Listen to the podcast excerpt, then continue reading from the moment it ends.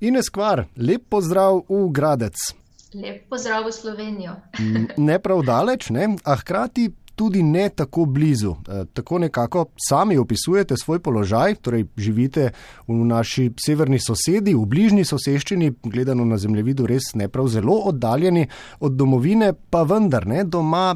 Niste več. Ne? In to razdaljo, ki je zdaj med nami, pa tudi med vami in tukajšnjo družino, prijatelji iz Slovenije, e, menda včasih občutite kot veliko, včasih pa kot ne tako zelo veliko. Kako je trenutno?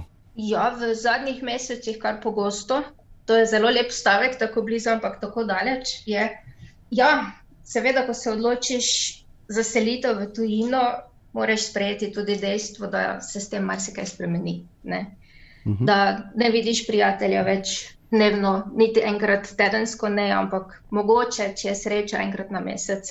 Da z družino kontaktiraš samo prek mobitela, prek messengerja, dobro, da imamo telefone, da imamo računalnike, da vse tako lahko komuniciramo. Ja, marsikaj se spremeni, ampak na srečo ni tako daleč. Tak da gledam, da tisti vikend, ko imam soboto, nedeljo, fraj, da se sigurno zapeljem v domači ormož. Mhm. Kako pa ste se sami spremenili, če ste se v zadnjih nekaj letih, pet let ste zdaj tam, ne? imate občutek, da ste mhm. že polno naturalizirani, prava Avstrika ali se eh, tam še vedno počutite, kot, kot ste mi dejali pred pogovorom, ne? južnjakinja mhm. v Gracu. Eh, to slednje, kdaj, v katerih primerih, eh, kdaj ste se recimo na zadnje tako počutili? Ja, prava Avstrika, to že zdaj lahko rečem, da nikoli ne bom, ne, ker smo drugačni. ja. Smo, um, če lahko tako se izrazim, bolj odprti, bolj topli, ker za Avstrice je znano, da so, da so bolj, bolj hladni narod, da rabijo mogoče dlje časa, da sprejmejo ljudi okoli sebe, da uh mhm. -huh. se sprostijo. In take so tudi vaše uh, izkušnje? Ja, sigurno, mm. sigurno. To občutiš takoj, ko se preseliš, ko si čisto na novo tu, ko ne poznaš nobenega. Vse v mojem primeru je bilo tako. Si čisto sam. Ne? In ko vsi vejo, da si iz bivše Jugoslavije in ko ne veš jezika, še čist perfekt, so se našli ljudje, ki so me gledali malo bolj po strani. Uh -huh.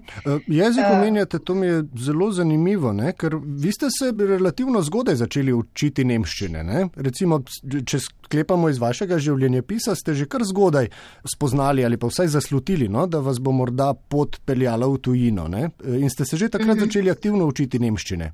Za vsak mhm. slučaj, uh -huh. vi temu pravite sicer. No? Ampak je, je bila vaša želja selitev prav v nemško govoreče okolje, torej ne vem, Nemčija, Avstrija, Švica?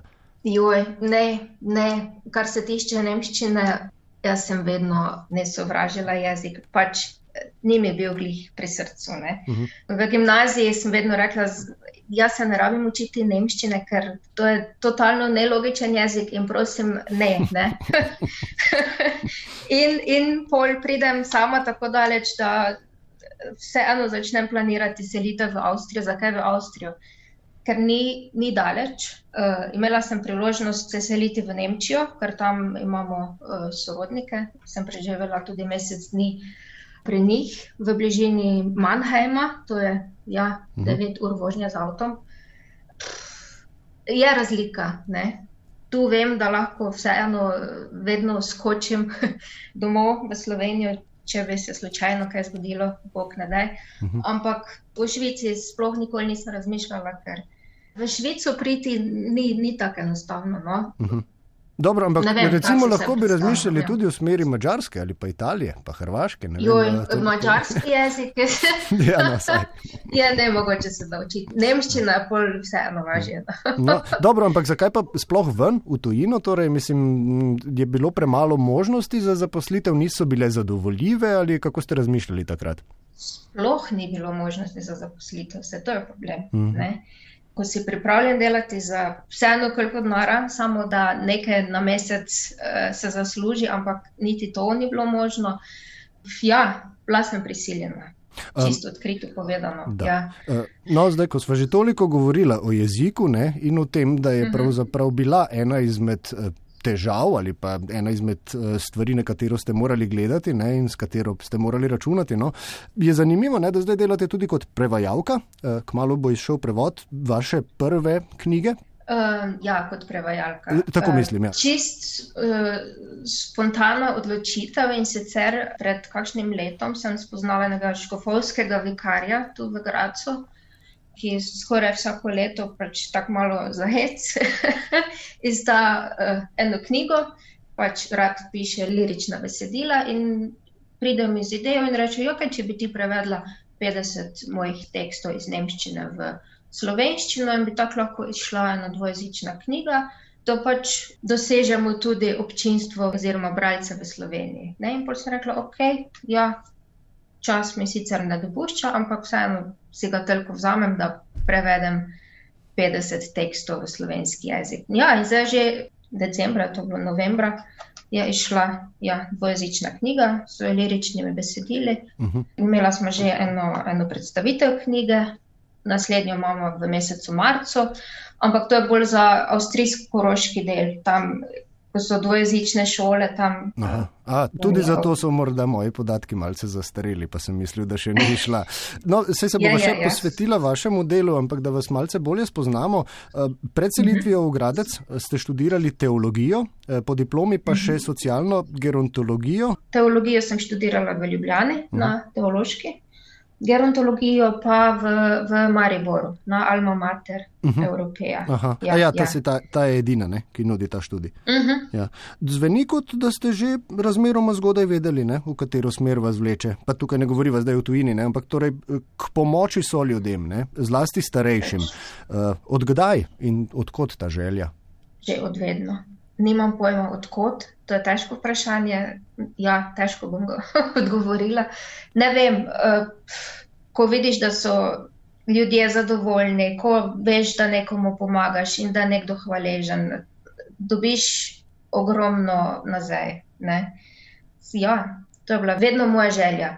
Ampak najprej zakonska družinska terapija, to je bil cilj, uh, zato sem se tudi odločila za študij teologije.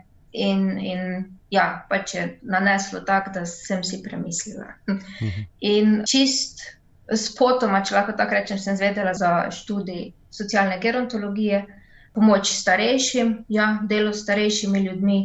In ja, že med samim študijem sem ogromno delala z ljudmi, z starejšimi, z boleznijo demence. E, pogovarjamo se z Ines Kvar, ki živi v Gracu, kjer zadnjih nekaj let dela kot pastoralna referentka v različnih župnijah Rimsko-katoliške cerkve. E, to je kot e, referent, ne, mi pomagate, je laik, ki upravlja kaj? Laični teolog, ki mhm. ja, v Avstriji, hvala Bogu, lahko dela ogromno stvari. Duhovnikov je vedno manj in laiki imamo vedno več privilegijev, ne, uh mhm. -huh. če lahko uh -huh. tako rečem. Ja, uh mhm. -huh. ja, torej, ja. pravic, da upravljate, kako se temu reče? Duhovna uskrba ja, je najlepši izraz uh -huh. za za vsa ta področja, uh mhm. -huh. no, na katerih delamo. Ja. In delate kot strežnica tudi ne, v institucijah, kjer se ukvarjajo torej zdravstveno oziroma psihološko uh mhm. -huh. oskrbo, pravite v domovih za starejše, med drugim, ne, pa tudi v bolnišnicah. Uh, ampak uh, ne, nimate upravka zgolj s starejšimi, ne, tudi žal z mlajšimi in glede na to, da je palijativna oskrba precejšen del vašega dela, to je področje medicine, ne, ki se ukvarja z lajšanjem simptomov bolezni namesto zdravljenjem, ker pač zdravljenje v nekaterih primerjih ni mogoče. Ne. Eh, pa če imamo v mislih, da so vaši pacijenti tudi mladoletni, ne, otroci, za kakšne bolezni gre tu, s kakšnimi ljudmi vse imate opravka? Ja, da pridem na začetek. Delala sem kot strežnica, ja, uh -huh. ko sem še upravljala določene izpite na teološki fakulteti v Gracu. Uh -huh. Takrat sem delala v domu in ja, ogromno starejšimi ljudmi. Zdaj, ko delam kot teolog, kot pastorale referentka, nimam več toliko stika s starejšimi, ker ne delam po domovih za ostarele, ampak poleg šestih župnij delam v eni bolnišnici v Gracu, največji v Gracu. Ravno včeraj sem razmišljala, hvala Bogu, ne delam v, na otroški onkologiji in mi je marsikaj prišparano. Seveda, ja, prideš v stik tudi z mlajšimi, umirajočimi, ampak sem pa na drugih oddelkih. Ne. Pravkar prihajam iz te bolnišnice in jih danes sem imela par srečanj. Ja, z ljudmi, ki vejo, da jim ni pomoči. Ja. In vendarle ste in, vi tam prav zato, ne? ali vsaj v uteho, v oporo. Eh, na kakšen način to delate, oziroma tudi ste delali skozi vsa ta leta izobraževanja? V oporo tistim, ki hočejo oporo. Pač ponudiš jim, za vas sem tu, ljudje so različni. Enim odgovarja, da enostavno si tam, ne rabiš se pogovarjati, ne rabiš nič, ampak si tam sediš zraven postelje in to je to. to je, mnogim je to čist dovolj, hm. mnogi pa ne rabijo nič, ker enostavno so s potekom bolezni tako zaposleni, da enostavno rabijo mir in tudi to moraš sprejeti. Mhm. Pač jaz vedno rečem, ali si za to ali pa nisi za to. Ne? Ker moraš slišati, moraš videti, kaj človek v tistem momentu potrebuje. Uh mhm, -huh. To vam zelo verjamem, ampak vendar razmišljam, ne, če se pa recimo človek želi z vami pogovarjati ne, in je to več uh mhm. -huh. ljudi, a imate čisto tako, e, to je pa poklicna deformacija zdaj, ne, ker smo tukaj novinari ne, in delamo intervjuje, recimo, e, za, za ja. sogovornike načeloma pripraviš, ne, e, malo pogledaš, kaj človek dela, kaj bi ga more biti zanimalo, o čem lahko kaj pove. A imate uh mhm. -huh. tudi vi kakšno šablono za pogovor s človekom, recimo, da vam ne zmanjka kdaj teme, da vam ne zmanjka manjka niti. Ne, se to je ravno point uh mhm. -huh. našega dela, da pridemo brez plana. Obiskuješ ljudi in nimaš pojma, komu greš, ne veš, kdo so, ne veš, kakšne bolezni imajo. Enostavno si tam. Tako si nabiraš izkušnje, mogoče čez 10-15 let si že zverziran, se veš orientirati, najdeš besede, ampak vseeno, dosti krat ostaneš brez besed in to lahko tudi, ja, čist iskreno tudi. Pacijentu poveš. Ja. Jaz vedno rečem, bolani ljudje dosti bolj čutijo, enostavno vidijo. In, in če nisi pri stvari, če nisi tam, če samo prideš mimo, pacijent ve. Mhm. Tako da jaz gledam, ko, ko se sama ne počutim dobro, boljše, da ne grem, da jih ne obiščem, da ne grem na oddelek, kot pa da grem s prisilo zato ker pač moram in naredim lahko več škode kot mhm. koristi. Ker so tako ja. dovzetni ja. za vplive. Ja, ja. Ines, vse eh, deloma ste že odgovorili, pa vendar, zakaj je vaše delo težko oziroma zakaj in v katerih primerjih, v kakšnih okoliščinah vendarle ni težko? Težko je, ko vidiš bolnike, ko vidiš ljudi in veš, da jim ne moreš pomagati oziroma da si lahko samo tam. Ne. Je pa dobra stran tega, delam tudi z mladostniki, z birmanci. Pripravljamo tudi različna bogoslužja, tam veš, da ljudje pridajo v crkve in lahko jim daš malo upanja skozi tekste, skozi besedila, skozi pesmi. To je pa dobra stran tega dela. Da. Malo veselja, malo upanja, posebej zdaj v teh čudnih časih, ko je vsak za sebe. Ko ko se ne smemo družiti, ko ne smemo v bistvu nič. ja, konec koncev tudi obiski ne, so zelo omejeni zdaj v tem času. Točno, ja. točno. Ja. A si tudi sami kdaj dovolite eh, ali pa morda ne premorete dovolj moči in discipline, da bi to preprečili? Eh, navezati se na kakšnega svojih pacijentov ali pacijentk. Eh, in če ni preveč osebno, pri marsikaterem od teh ste rekli, ni srečnega konca. Kako se spopadate s to svojo vlogo, torej vlogo nekoga, ki stke vezi z mnogimi dušami, ki potem ne, eh, preidejo v, v sfero, kjer so recimo temu nedosegljive za konvencionalne tuzemske načine komunikacije. Mhm. To je pri nas malo drugače.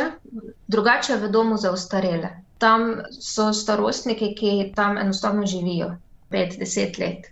Tam se navežeš, tu je pa drugače, tu pacijenti pridajo, grejo, redko kdaj srečam koga, ki je že dva tedna tu. Mm. Tako da se ne navežeš, boli pa vseeno, ko veš, da jim ni pomoči, da, da trpijo, da ne. To, pa, to pa ni enostavno. Ampak vseeno moraš se zavedati, da je to tvoje poslanstvo, zato si tu, duše pridajo in grejo. Mhm. Česa bi po vašem, ne, ker imate vendarle veliko izkušenj z ljudmi, eh, tudi v zelo težkih trenutkih in enega takih težkih trenutkov, ki kar traja, no, težkih obdobij, pravzaprav globalno mhm. živimo zdaj, ne, več potrebovali pravzaprav vsi, ne samo bolni ljudje, no, eh, da bi laže prebrodili te negotove čase in se v tako imenovano normalnost, če kaj takega obstaja in je sploh mogoče, uh, vrnili močnejši, bolj povezani, boljši. Ja, kot sem že omenila, zadnje mesece ali že dve leti, vsak je za sebe, vsi smo na neki distanci, ne družimo se, vsak gleda v svojo stran in, in kaj bi morali. Uh, najprej malo upočasniti tempo, tisti, ki delamo, delamo cel dan, vsak dan, samo tekamo sen in tja, in kaj še moram splanirati, kaj še moram narediti. Ja, malo stopiti korak nazaj, malo se upočasniti, malo najti tisti mir, ker vsak človek rabi svoj mir. Ali skozi meditacijo, ali, ali skozi branje knjig, ne vem, vsak bo moral najti neki svoj način, kako se umiriti, ker živimo prehitro, to je dejstvo. Ne? Uh, Ines, hvala, najlepša hvala, ja. da ste si vzeli čas uh, za nas in torej vas, globalno, kaj ne da. In vse dobro, lepo zdrav, Gradec. Hvala lepa, lepo zdrav Slovenija.